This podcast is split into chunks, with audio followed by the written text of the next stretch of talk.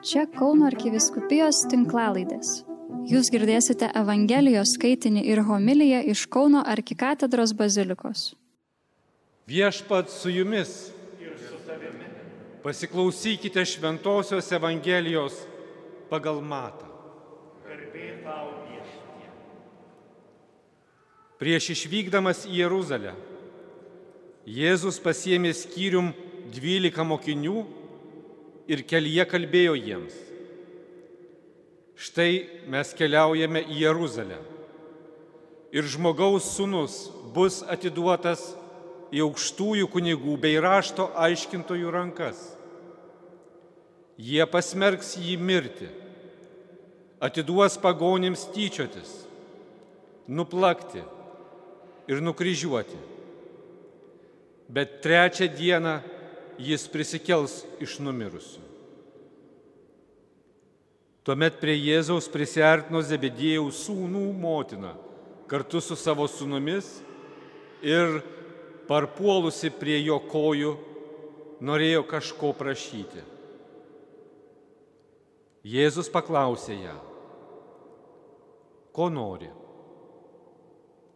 To jie atsakė, sakyk, kad šiuo du mano sūnus tavo karalystėje sėdėtų vienas tavo dešinėje, o kitas kairėje. Jėzus atsakė, nežinote, ko prašote. Ar galite gerti taurę, kurią aš gersiu? Jie atsakė, galime. Tuomet jis tarė, mano taurę, tiesa, jūs gersite. Bet sėdėti mano dešinėje ar kairėje, ne mano reikalas jums duoti. Tai bus tiems, kuriems mano tėvo paskirta. Tai išgirdę, kiti dešimt mokinių supyko ant tų brolių. O Jėzus pasivadinęs juos pas save tarė, jūs žinote, kad pagonių valdovai pavergia tautas ir didikai joms viešpatauja. Jūsų tarpe neturi taip būti. Jei kas iš jūsų nori būti didesnis, tebūnie jūsų tarnas. Ir kas panorės būti pirmasis, tebūnie jūsų vergas.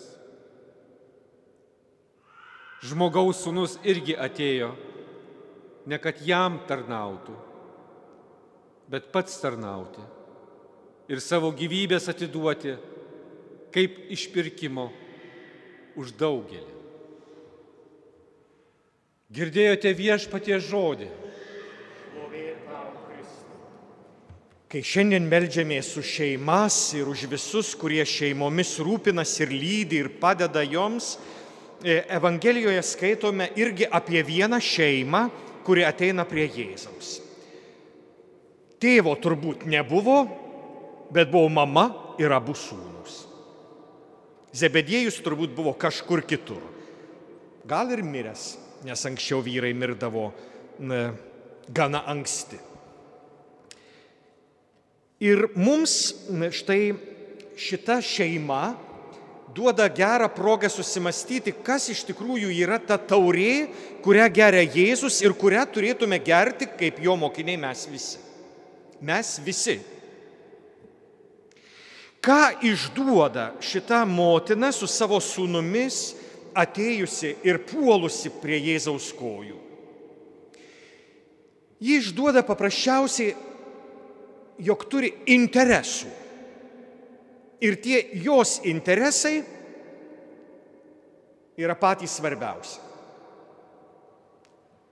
Mano sūnus turi tavo karalystėje sėdėti arčiausiai tavęs. Jie turi būti pirmi. Štai, štai motinos noras, gražus, kiekviena mama nori gerų savo vaikui. Sakė, net pelėdos vaikas yra pats gražiausias iš visų kitų vaikų. Mamos, mamos myli ir jos pasirūpins savo vaikais, net per prievartą. Bet štai Jėzus duoda pamoką mums visiems, mums visiems. Neieškoti pirmiausia savo naudos, bet kitų. Čia yra, e, čia yra ta taurė karti, kurią reikia gerti. Kai tarnavau mokyklos direktoriumi, ne vieną kartą susidūriau su mamomis ir tėčiais, kurie savo vaikams skiepijo antikrikščionišką būdą gyventi. Jie sakydavo, vaikeli, pirmiausia pasirūpink savimi, nežiūrėk į kitus. Jeigu tau daviau sumuštinį, pats ir valgyk, niekam neduok. Ne taip kaip kokia meksikietė mama apie kurią pasakojo viena sėkminga verslininkė e, per šių metų, per praėjusių metų vadovų konferenciją, kai, kai vaikas nusinešė meksikietišką užkandį valgyti per pietus ir grįžo namo po pirmo karto, paklausė mama, kaip sekėsi, sakom, į mano sumuštinį visi žiūrėjo. Mama sako, rytoj nusineši du. Ką mes visi turim išmokti, kaip ta taurė atrodo ir kaip Jėzus gyveno iš esmės. Tai pirmiausia, jam buvo Dievas. Jo tėvas. Visų svarbiausias. Už visus svarbiausias, net už mamą. Mama, man atrodo, kentėjo, bet dėl to nesiskundė ir jam niekada nepriekaištavo, tu manim nepasirūpinai. Ar priekaištavo? Ir atrodo, Jėzaus irgi nemokė vaikelį pirmiau pasirūpink savimi. Pirmiausia buvo tėvas. Paskui buvo kiti.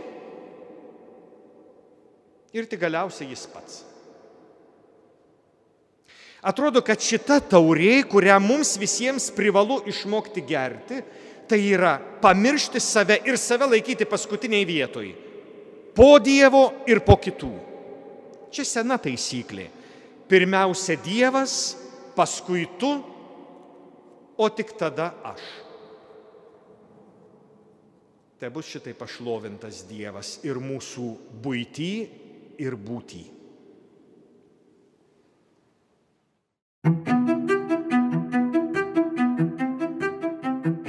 Jūs girdėjote Evangelijos skaitinį ir homiliją iš Kauno arkikatedros bazilikos. Čia Kauno arkiviskupijos tinklalaidės. Sekite mus ir prenumeruokite.